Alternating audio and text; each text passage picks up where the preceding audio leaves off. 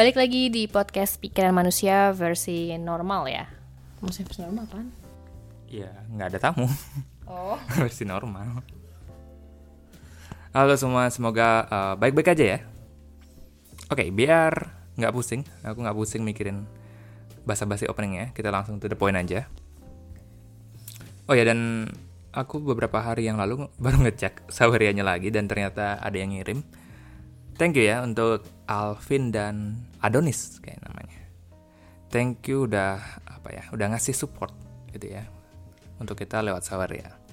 Terima kasih buat supportnya yang selalu berdatangan ya. Oke, dari judulnya kita mungkin akan apa ya? Ngomongin filsafat moral nih ya. Ya emang fokusku selama kuliah juga emang filsafat moral dan etika. Kenapa aku suka banget dengan cabang filsafat ini? Karena aku ngeliat di sinilah gitu.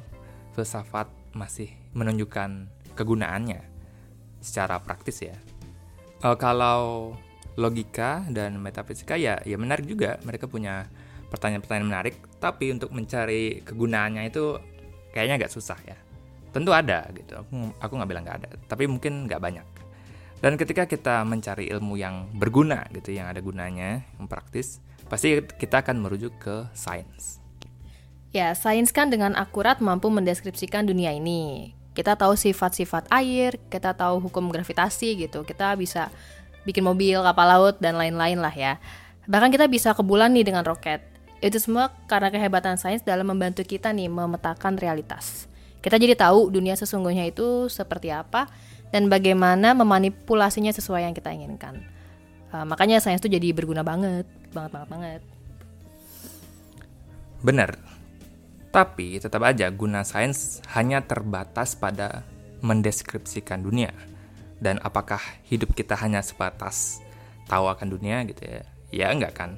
Sains kan nggak nggak ngasih tahu kita apa pun. Harus diapain nih fakta-fakta yang telah kita peroleh gitu.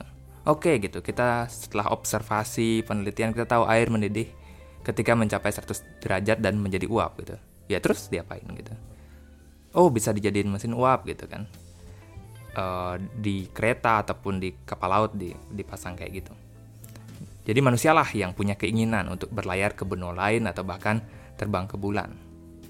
Selain itu, apa ya? Sains juga nggak ngasih tahu apakah hal yang kamu ciptakan dari sains itu menghasilkan apa ya konsekuensi baik gitu ya. Apakah itu tindakan baik atau buruk gitu ya. Benar atau salah.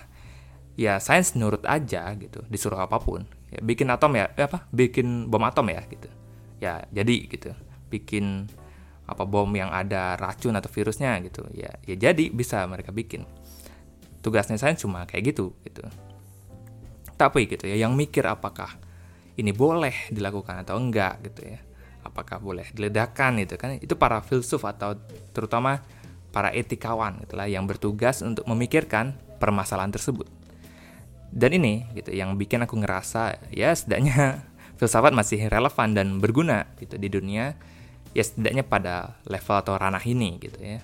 Di ranah pembuatan kebijakan. Apakah suatu aksi itu etis atau tidak etis? Apalagi sekarang bau-baunya nih kita sedang akan memulai revolusi teknologi lagi nggak lama lagi mungkin penggunaan AI itu semakin meluas augmented reality dan virtual reality juga makin banyak dipakai menarik nih untuk membahas permasalahan-permasalahan etika yang uh, bisa muncul nih dari teknologi-teknologi baru ini. Ya makanya aku berharap filsafat masih relevan di ranah itu sih nanti.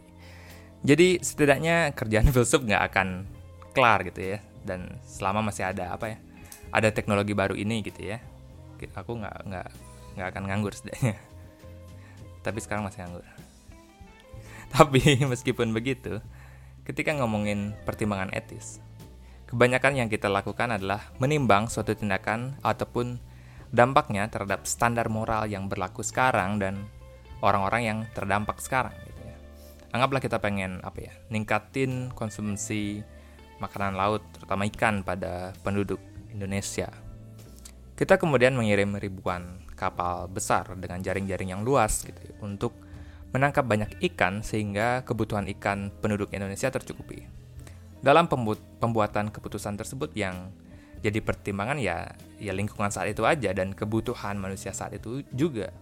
Tapi yang kerap diabaikan adalah kepentingan dari ya manusia di masa depan gitu ya. Apakah kepentingan mereka itu tidak tidak lebih penting dari kita sekarang?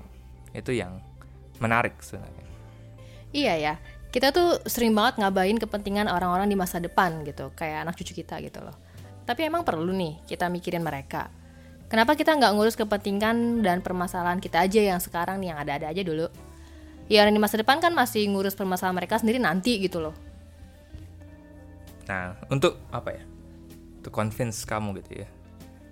Kalau mereka apa? Kepentingan mereka juga penting untuk kita ngurus sekarang gitu ya. Coba kamu bayangin gitu ya, kamu lagi trekking naik ke sebuah gunung. Di tengah perjalanan kamu haus dan nah, kebetulan di ranselmu kamu bawa minuman dengan botol kaca. Nah, kamu minum nih minumannya. Tapi gara-gara botolnya licin gitu ya, dan kaca basah gitu, botolnya nyelip dan jatuh dan pecah di jalur trekking tersebut.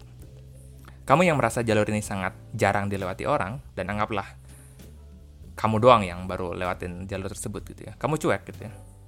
Males gitu apa ngambilnya dan uh, karena kamu nggak bawa apa ke plastik atau apa. Kamu ngira nggak mungkin ada yang lewat situ dan ya kamu lanjutin perjalananmu seperti biasa kamu naik puncak dan pulang dan lain-lain tapi suatu hari kamu menerima telepon gitu ya dan ini bukan telepon biasa tapi dari orang di masa depan anggaplah mereka udah punya teknologi gitu buat nelpon ke orang ke masa lalu orang ini nelpon karena dia kesel gitu. Kesel sama kamu dia nanya kenapa? Kenapa kamu gak mungut pecahan kaca yang berserakan? Gitu ya. Jadi akibat perbuatanmu seribu tahun kemudian ada seorang pendaki yang melewati jalur tersebut yang kamu lewati dan kebetulan dia apa ya kena kakinya kena batu jatuh dan tangan dan badannya kena pecahan botol kacamu gitu ya. Jadi apa ya kita bisa apa tanyakan gitu ya apakah kamu bisa disebut melukai orang di masa depan tersebut? Hmm, ya berarti emang perbuatanku di masa sekarang secara langsung melukai orang di masa depan. Menyakiti ya tetap menyakiti kapan pun itu ya, nggak harus terdampak sekarang gitu. Dan menyakiti orang di masa depan itu salah. Benar, dan apakah kepentingan mereka untuk untuk apa ya mendaki trek yang aman itu tidak lebih penting dari darimu gitu? Uh, ya sama-sama penting lah. Iya kan? Berarti ya kamu memiliki kewajiban juga untuk membuat jalur itu, trek jalur trek tersebut sebagaimana kamu menerimanya gitu ya. Kamu dapat jalur trek itu bersih, ya kamu juga punya kewajiban gitu ya. Balik balikin juga kayak gitu untuk orang di masa depan gitu. Dan ini nggak cuma berlaku pada kasus buang pecahan botol kaca ya kita buang sampah. Kita dengan rakusnya gitu mengambil ikan laut gitu ya, mengeruk batu bara dan untuk dijadikan listrik, menghancurkan apa pembabatan hutan gitu ya, dan lain-lain. Itu semua untuk memenuhi kebutuhan kita sekarang. Tapi kita mengabaikan kepentingan orang di masa depan. Bukannya mereka juga pengen makan ikan ya. Bukannya mereka juga pengen tinggal di bumi yang apa ya, tidak panas gitu gara-gara kamu terus apa membakar batu bara meningkatkan suhu bumi gitu ya kan mereka juga pengen gitu ya bumi yang adem gitu ya. mereka juga pengen pengen punya hutan Uh, tapi agak susah nggak sih untuk benar-benar peduli dengan mereka karena ya kan orang di masa depan belum lahir nih. Bagi pembuat kebijakan seperti itu tuh susah untuk bersimpati dengan orang yang belum ada gitu, orangnya belum ada nih. Dan bukan cuma itu juga sih, di negara berkembang misalnya nih, ada berapa ratus juta orang yang butuh akses listrik. Susah deh kayaknya mengabaikan kebutuhan ratusan juta orang tersebut demi orang di masa depan yang belum ada gitu. Emang gak penting keinginan ratusan juta penduduk Indonesia yang ada sekarang untuk hidup layak? Nah, tentu itu selalu jadi dilemanya ya. Tetapi kalau kamu bawa angka gitu ya, itu bukanlah menurutku ya counter argumen yang bagus gitu ya. Kenapa? Karena sejumlah orang yang akan hidup gitu ya, akan jauh lebih banyak gitu ya. Jumlah manusia yang sekarang nih, kita bayangin aja. Sekarang ada 8 miliar orang gitu tetapi jumlah orang atau manusia yang pernah hidup, yang pernah hidup gitu ya. Jadi keseluruhan dari awal manusia gitu ya, ada Homo sapien sampai sekarang itu ada sekir sekitar apa ya estimasinya kayaknya 117 miliar manusia pernah hidup di bumi ini gitu ya. Nah, itu di masa lalu. Tapi gimana dengan potensi di masa depan? Ke depannya gimana? Berapa orang yang akan lahir gitu ya, yang akan hidup di masa depan? Bisa triliunan bahkan. Bisa triliunan orang yang akan mungkin lahir dan hidup di masa depan. Jadi kalau kamu ngomongin angka, emang kepentingan triliunan orang nanti itu kalah pentingnya dari 8 miliar sekarang. Nah, gitu. Jadi hmm, tarung angka nih gitu. Apalagi kalau ngeliat dari sudut pandangnya utilitarian ya. Kepentingan triliunan orang di masa depan itu ya kayaknya sih lebih penting daripada 8 miliar orang sekarang. Nah, makanya kita bisa simpulkan bahwa kita berkewajiban untuk meninggalkan bumi dan peradaban yang layak gitu ya. Atau bahkan lebih baik untuk orang-orang di masa depan nanti gitu ya. Dan prinsip ini gitu ya harusnya jadi prioritas kita sekarang. Itulah pandangan yang disebut long termism gitu ya, yang dicetuskan oleh William McCaskill. Jadi dia apa profesor di Oxford. Dan oh ya, yang dilihat long termism ini ya, bukan cuma kayak anak cucu kita gitu. Tapi sesuai namanya, ya benar-benar jangka panjang, panjang gitu long term. Pandangan, ini meminta kita untuk fokus pada aktivitas yang berdampak pada berdampak positif tidak hanya 10 tahun ke depan, tapi sangat jauh hingga ratusan, ribuan atau bahkan jutaan tahun mendatang gitu. Oke, anggaplah kita setuju nih dengan long termism ini. Emang aktivitas-aktivitas apa sih yang benar-benar berdampak jauh ke depan? Menurut McCaskill, pekerjaan-pekerjaan yang sangat berpengaruh ke depan ya tentu saja yang berhubungan dengan untuk sekarang ya permasalahan sekarang ya perubahan iklim gitu. kita harus menganggap climate change ini ancaman eksistensial eksistensial gitu ya dan berperan serius gitu ya dan kita harus berperan serius menanggulangi dampak-dampaknya dan mengembalikan keseimbangan apa ya gas-gas rumah kaca di atmosfer gitu jadi biar kita apa nggak kepanasan gitu terus dia juga menekankan pentingnya untuk mempersiapkan diri untuk pandemi yang akan selalu datang gitu tiap beberapa puluh tahun gitu. Iya sih, uh, kelihatan banget kurang prepare banget kita waktu pandemi kemarin itu COVID. Padahal harusnya kita udah bisa prediksi nih wabah akan selalu menghantui penduduk manusia yang makin padat dan saling terkoneksi ini. Nah itu, selain itu dia nggak cuma fokus pada masalah-masalah yang sudah kita rasakan ya seperti climate change dan pandemic permasalahan baru akibat teknologi juga harus kita khawatirkan. Seperti masalah yang ditimbulkan oleh kecerdasan buatan misalnya. Bisakah gitu misalnya AI ini diminta kita minta mencuri data seseorang gitu misalnya. Mendoxing orang gitu jadi kita tahu alamat dia tinggal di mana keluarganya siapa gitu ya. Jadi ada ngeri juga nih untuk AI gitu kan. Jadi bisa jadi di masa depan gitu ruang private kita gitu ya hilang gitu ya. Sekarang aja udah kayaknya tuh uh, udah jadi masalah. Kayak video deepfake artis atau bahkan kemarin Pak Jokowi yang bisa bahasa Mandarin. Untuk kita anak muda yang sering seliweran di internet sih paham ya. Tapi kan banyak orang Indonesia yang nggak gitu ngerti sejauh mana teknologi udah berkembang. Dan mereka akan menerima video deepfake sebagai kenyataan gitu. Nah makanya, sepertinya memang penting un untuk bukan cuma fokus pada permasalahan hari ini, tapi juga melakukan tindakan yang memberi dampak yang panjang ke depannya. Karena sekali lagi ya, kita punya kewajiban moral untuk memberi dampak positif ke manusia di masa depan. Seperti kita punya kewajiban moral untuk peduli dengan manusia lain di mana pun di planet ini, kayak entah dia di Papua gitu ya, entah dia ke, uh, perang di Ukraina atau bahkan yang di Palestina gitu kan. Kita harus peduli dengan mereka meskipun mereka jauh dan kita nggak bisa lihat secara langsung. Dengan logika yang sama, kita juga harus peduli dengan manusia lain di waktu mana pun dia hidup, entah 100 tahun dari sekarang, 1000 tahun dari sekarang, ataupun jutaan tahun dari sekarang. Semuanya harus masuk pertimbangan moral kita. Menarik sih ya, tapi bukannya pandangan seperti ini juga bisa nimbulin masalah. Kalau dilihat-lihat ini kan pandangan semacam konsekuensialisme yang hanya fokus pada hasil akhir. Tapi long termism ini kan tentu fokus pada konsekuensinya yang sangat-sangat-sangat jauh di masa depan. Meskipun sedikit beda, tapi aku rasa permasalahan yang dimiliki tetap sama, yaitu kamu yakin dengan konsekuensinya. Yang puluhan tahun ke depan aja masih susah kita prediksi ini gimana yang long termism yang bahkan lihat ribuan tahun ke depan gitu. Itu kan susah-susah banget untuk diprediksi. Iya kan?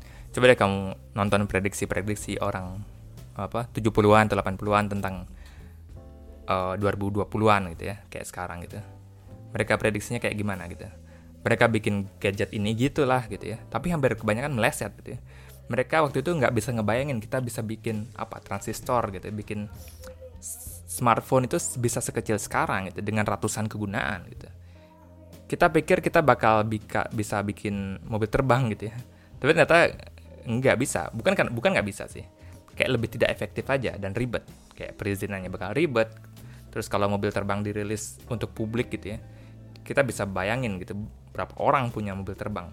Dan akan meningkatkan chance kecelakaan gitu bukan kecelakaan kebentur gitu ya misalnya mau mesinnya mati gitu ya. tiba-tiba ada mobil jatuh di di atas rumahmu gitu kan kan kan lucu gitu ya jadi nggak realistis gitu mobil terbang paling benar sih kayak nambahin jalan gitu mungkin ditambah jalan layang atau apa gitu ya. dan fokus ke transportasi publik gitu ya jadi berasumsi tentang masa depan dengan pengetahuan abad ke-21 kita ini mungkin nggak bisa prediksi teknologi semacam apa sih yang bakal muncul ke depannya uh, dan permasalahan apa yang penting untuk waktu mendatang.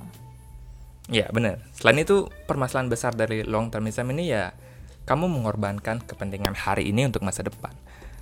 Ya tadi yang kamu bilang gitu ya. Kamu bisa bayangin kita kita mengabaikan orang-orang tua yang kelaparan hanya karena mereka bukan orang di masa depan yang kita fokuskan gitu. Iya ya, model-model konsekuensialisme ini kan selalu membenarkan segala cara nih, asalkan tujuannya tercapai gitu.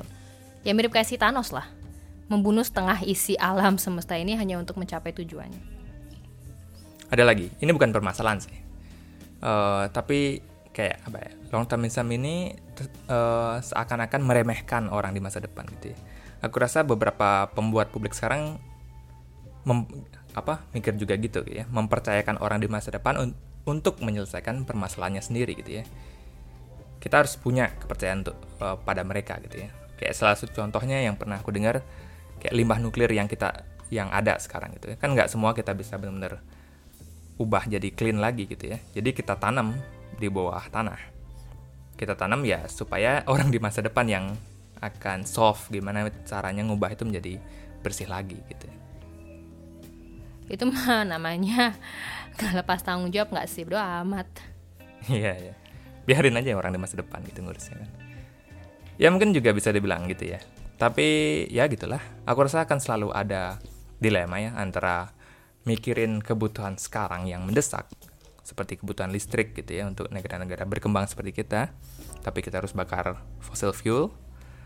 Tapi kita juga perlu gitu ya meninggalkan dunia yang layak untuk orang di masa depan gitu Uh, jadi menurut kalian mana yang lebih penting? Apakah kita punya kewajiban moral untuk orang di masa depan nanti, atau kita harus fokus pada kebutuhan mendesak untuk orang-orang yang sekarang?